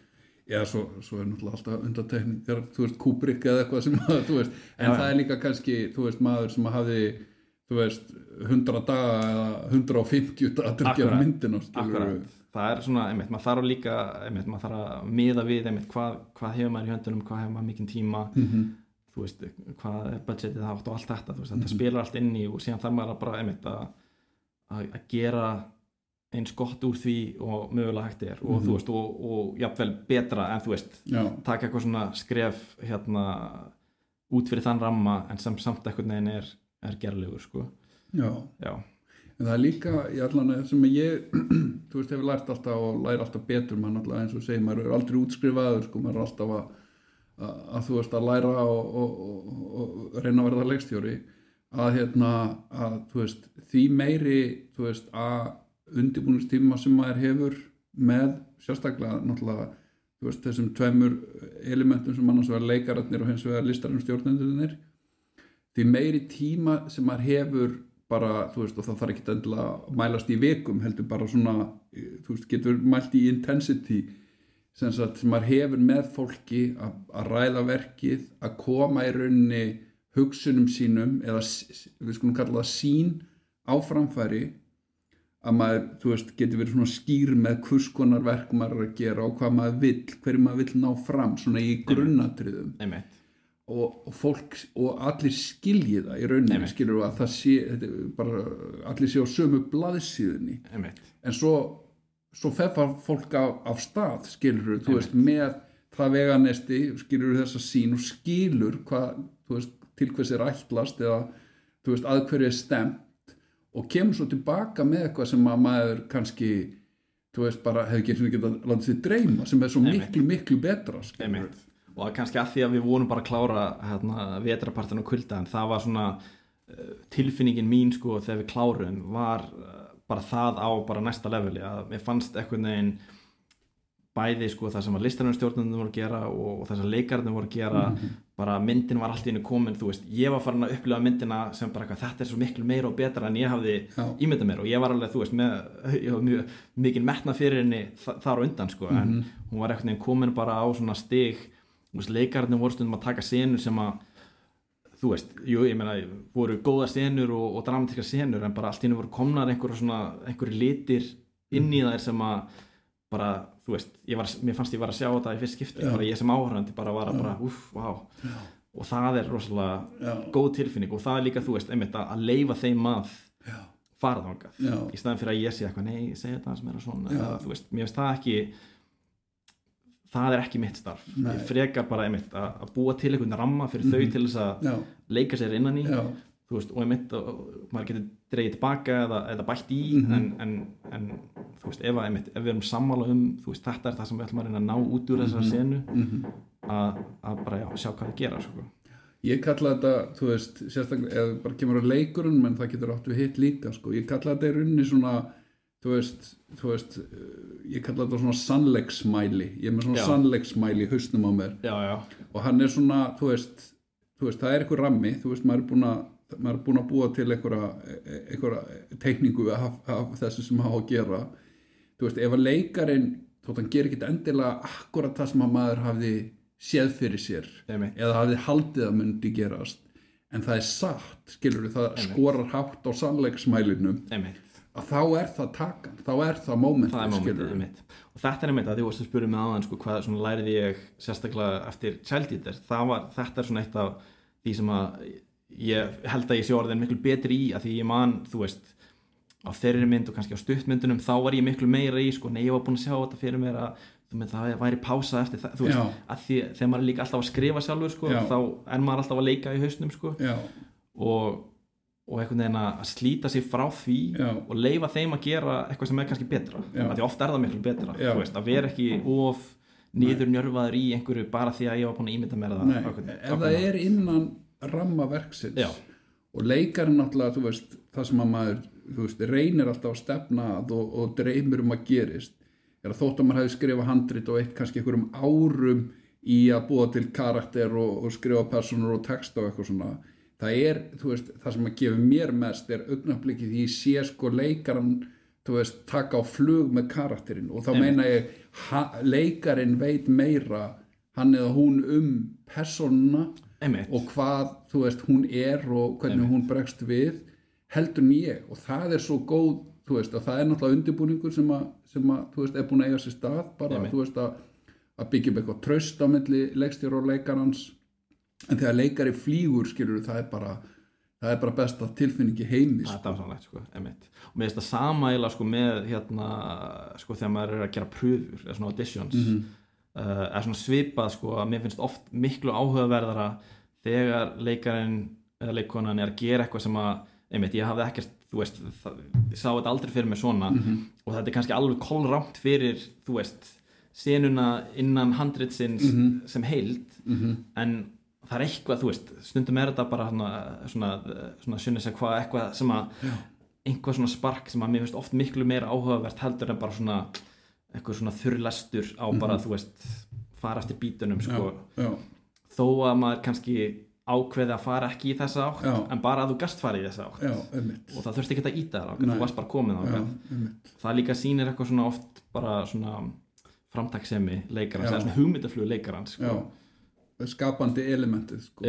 þú veist, þú veist, ég er náttúrulega þú veist, bara út á þeim vinnuað fyrir sem ég beit oft svona því að þú veist í grunnatröfum þá, þú veist reyn, er mitt svona, mín ásetningur alltaf að örfa höfundin í leikaranum skilur að kveikja á honum sko og, og að leikarin þú veist, hann eða hún einmitt ná að gera þetta sínu og virki fleiri stöðvar í sér heldur en bara túlkunarstöðina Einmitt. heldur líka bara hérna skapandi þú veist, höfundastöðina sko. og leifa þeim að búa til baksögu þú veist og þú veist, Já. búa til einhvern karakter svo lengi sem að það passar inn í heildina sko, en, en ég vil ekkert vera eitthvað að segja nei, nei, þú veist hún er ekki úr hafnaferði, hún er úr, eða þú veist Mhm. ef að þér finnst það, ef það virkar fyrir þig þá höldum því það já, sko. já.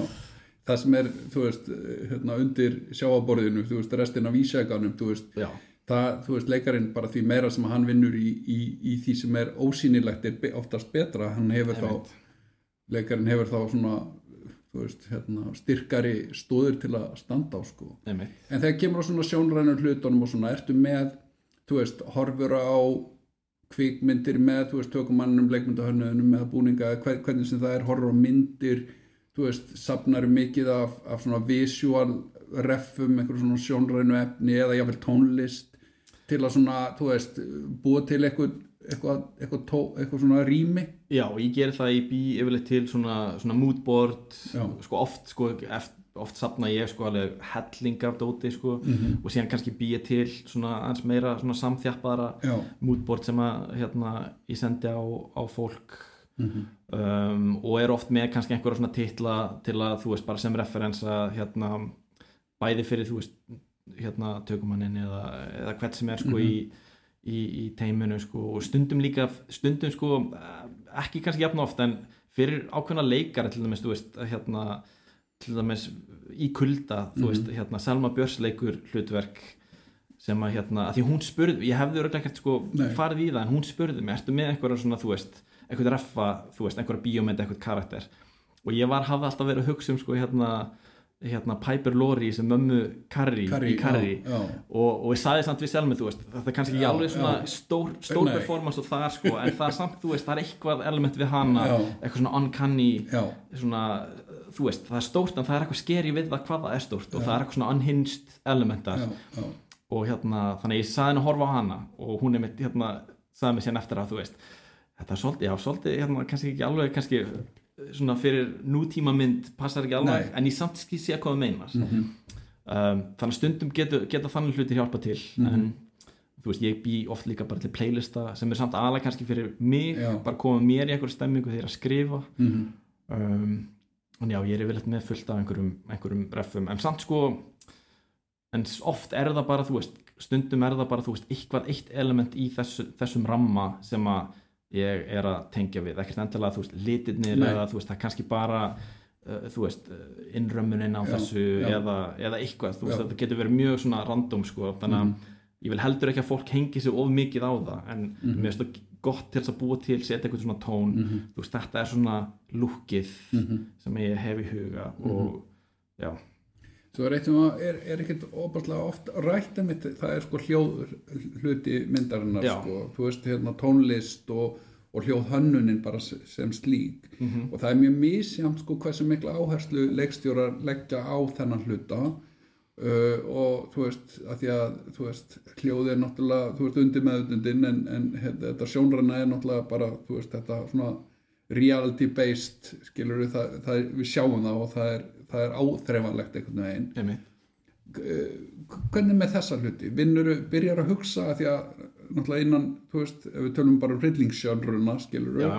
að þá er náttúrulega hljóð helmingurinn. Mjög sterkur mjög sko, stór hluti. Mjög stór hluti og oft er hljóðið það sem að er í raun og veru mest óknvegjandi Já. um, jú, ég, með, ég var einmitt bara að skoða í morgun sko, því ég var að fyrir eitthvað annað en ég fann ég með sko alveg svona nótur, svona hljóð element sem að bara, sem ég verið, þú veist, ef ég er að horfa á okkur mynd Mhm.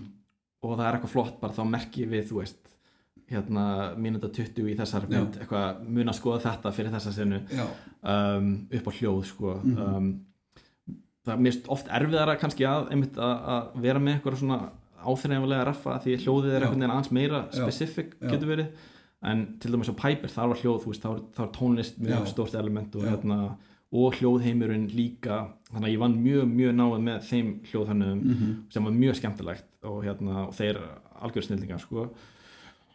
en já, það, það, já, ég finnst það mjög þetta er mjög hérna, mikilvægur partur og, og ég er mjög meðvitaður um hann en, en það er, eins og ég segi, það er erfitt sko, að því við erum til dæmis með kulda við, við erum eftir að negla niður hver gerir hljóðheimuna Já, já, sko. já. þannig að þetta er allt bara einhvern veginn í haustum á mér núna sko. já, en það verður mjög áhugavert samtal þegar, Mhm. þegar það er að kemur sko. en eins og rökkri, þá gerði ég veist, ég mixaði ekki að því ég kann það ekki ekki ennþá. En, en ég gerði designið sko. Já. ég lagði all, öll trökkin og Já. þú veist það allt. Þannig að, veist, þannig að þá nýttist ég pínu til að þú veist, pæla virkilega inn í þú veist, já, hvað vil ég heyra og hvað er þetta draga úr og hvað er þetta íkja hér og þú veist. Mér finnst það, já, það er mjög skemmtilegt. Þegar það, það býr til einhver aðra vít og ég held líka þú veist, að það sé, þetta er svona eitt, eitt tól sem að sérstaklega sko sko, þú veist manneskja sem er að gera low budget mynd já, getur nýtt sér. Mm, af því að sko, hljóð er nefnilega sko, þú veist innan gæsalappa þá, þá kostar jafn mikið að gera gott hljóð og vond hljóð. Þannig séð skilur við það er hérna ég, ég hef oft nefnt þetta sem dæmi ég var eins og ný hérna í dómnefnd á kvikmyndaháttíðinu Kaupanöf og hérna við vorum þrjú í dómnefnd og, og hérna og það, það voru mjög fína myndir stórar, veist, stórar myndir alltaf á heiminum, þannig séð sko í, í keppni. En myndin sem að vinnur er bara svona frekar lítil svona, dálítið svona arti svona karate based svona, þú veist, slow cinema mynd. Já, en rosa svona spenni inn í samt, þú veist, í eitthvað svona hverstasleik og eitthvað og, og mér fannst hljóðmyndin alveg sérstaklega góð, hún var, hún var mjög orginal og, og þú veist, tekna rosalega góðar ákvarðanir því að það var svo mikið að gerast utan veist, það, það var svo mikill partur af myndina því hún var greinlega gerð fyrir til dælu lítinn pening en það, hún stækkaði svo mikið við hljóðmyndina. Einmitt. Svo veitum við þessi velun og, og hittum leikstjóran og hann var austurískur, ungur leikstjóri og þá kemur í ljós sem sagt titlarnir voru á þýsku sko kreditin, þannig að maður átti að sig ekki alveg á því og maður horfði bara á hann eins og allar aðra myndir. Og kom í ljós að sagt, þetta var útskrifta verkefnans úr kvikmyndaskóla í Þýskalandi. Ok, þessi strákur, bara ungur leikstjóri 25-6 ára. Myndi hérna While the Cat's Away. Og hérna, og við, bara, við fórum að spyrja, já, er þetta útskriftaverkefni? hann sagði, já, hérna, ég bara ég fór bara alltaf overboard með útskriftaverkefni mitt og ákvað bara að gera mynd í fullilengt og hérna, og svo fyrir ég að spyrja hann út í hljóðhörnuna, sérstaklega áhugaður þú veist, hljóðhörnun og, og rosa kreatív og flott, og þá sagði hann, já, það er náttúrulega bara, ég gerði það allt sjálfur. Já, af því að, þú veist ég átti að gera stöðmyndi, gera myndi fullilengt allir peningunum löngu búnir. Einmitt, einmitt. þannig ég neittist til að læra á Pro Tools og hljóðleggja myndina sjálfur. Já, og ég setti mér eina reglu og reglan var svo að því að ég kunni bara basic á Pro Tools ég var ekki sérfræðingur að ég mátti ekki nota neina effekta þá meina ég, þú veist uh, þú veist, jú, einhverju hljóðeffektar en ekki, þú veist, fílt, filtera hljóði neitt sem sagt, Ok, það var ok. bara þú veist, alveg strýpa, ég var ekkert að pæli eitthvað stereo eða þú veist, þetta var bara, þú veist, bara basically monotrackar. Já, og engir effektar og eitthvað, ég fyrta ekki neinu og ég og, og það, bara þetta gerði orginal hljóðhönnun skilur og ég ég er ekki að að segja að allir ungi leikstjóri eiga hljóðhanna myndina sína, alls ekki.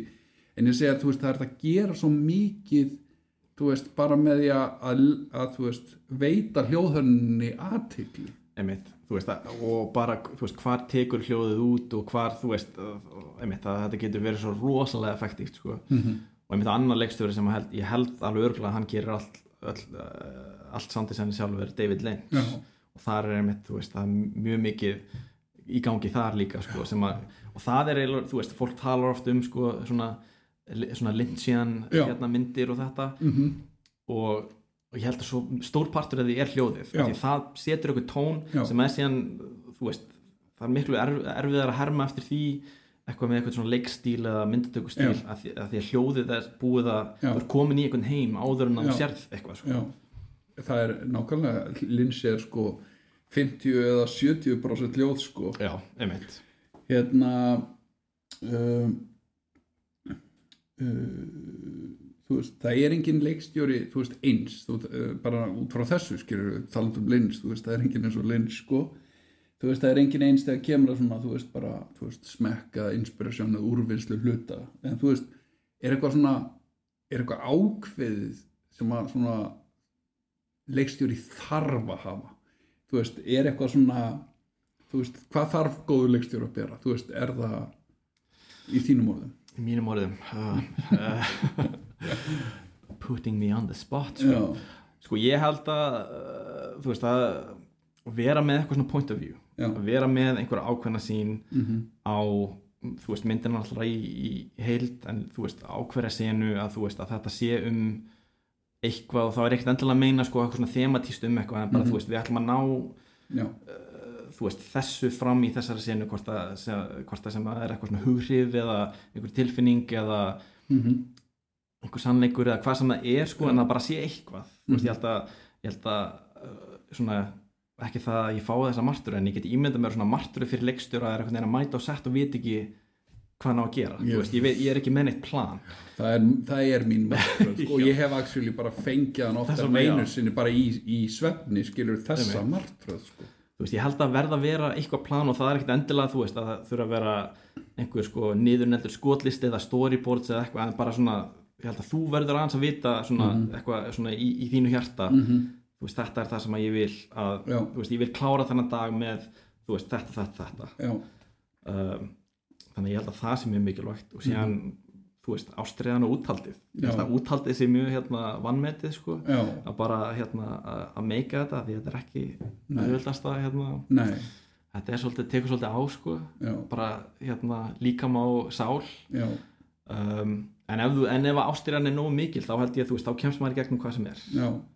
Þannig ég held að ég myndi segja að þetta væri svona aðal hlutinir mhm, í mínum huga sko, Mhm. að því mitt að leikstjórar eru svo mismunandi sko, veist, það eru leikstjórar sem hafa mikinn, mikinn fókus á því sjónræna og aðrir sem hafa miklu meiri fókus á svona leikrænur hliðinni Mhm. og, mhm, og hvað sem það er sko og veist, og, og mér finnst ekkert þetta er allt gott, þú veist, í, Mhm. margir af mínum uppáðsleikstjórum er mjög frábrunir hver öðrum og, mhm, og ég vil halda því þannig sko mhm, þannig að en, en, að en að það sé eitthvað point of view og það sé eitthvað ástriða á Mhm. bakveða, held ég að sé mjög mikilvægt ástriða úthald og, og, og, og skýrt skýr sín kannski já, en hérna framtíð, nú ertu með tvær í eftirvinnslu þú veist, hérna þú veist, það er það er kannski lúksusum við að vera þú veist, evrósku leikstjóri að við, við erum með ákveðið svona svigrúm skilur við, við erum Já. minna þú veist, við erum minna njörfaðir heldur en leikstjórarnir, þú veist, á vestuströnd bandaríkjana, skilur við, sem að þú veist, ef þú gerir tvær hryllingsmyndir eða þrjár skilur við, þá, Þá ertu bara- bara, þá ertu bara þar, það sko. já.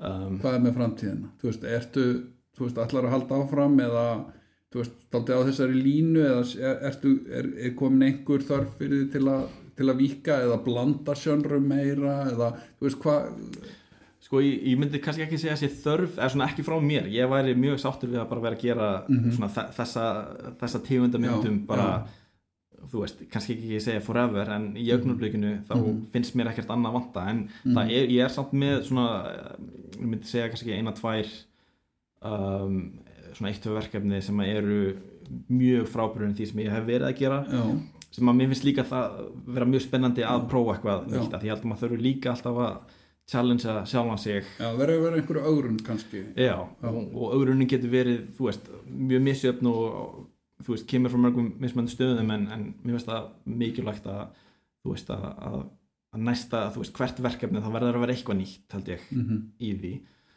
Um, en já, framtíðin, sko, í auknulbygginu þá bara ætla ég njóta þess að, hafa sem, svona sem minnst að gera og hérna, og bara fara svona hress í, í hérna eftirvinnsluna á kulda, sko -hmm. uh, en síðan eru þú veist maður ég held að talandi um úthaldið, leikstjórar þurfa líka held ég alltaf að vera með nokkra svona bolta á lofti sko, Mhm. að maður veit aldrei hvað hvað verður að einhverju og hvað Mhm. verður þú veist, fyrir síðan verður aldrei að einu, þannig að Mhm. mér finnst það mjög svona skeri sko að vera ekki með, þú veist, ég verð alltaf að vera með eitthvað sem að ég er að vinna í áttina eða okkur svona misjöfnum svona stöðum sko í ferlinu Mhm. þannig að það er fullt sem að gæti gerst en, en svona augnumbygginu þá er bara klára kulda það er aðal, aðalmálið Mhm. Herðu, ég held að við látum bara staðan um mig hér. Takk fyrir spjallið, Ellingur, og, og hérna bara gangið vel með eftirvinnslu og laka til að, að sjá. Takk hella, takk sömulegis fyrir spjallið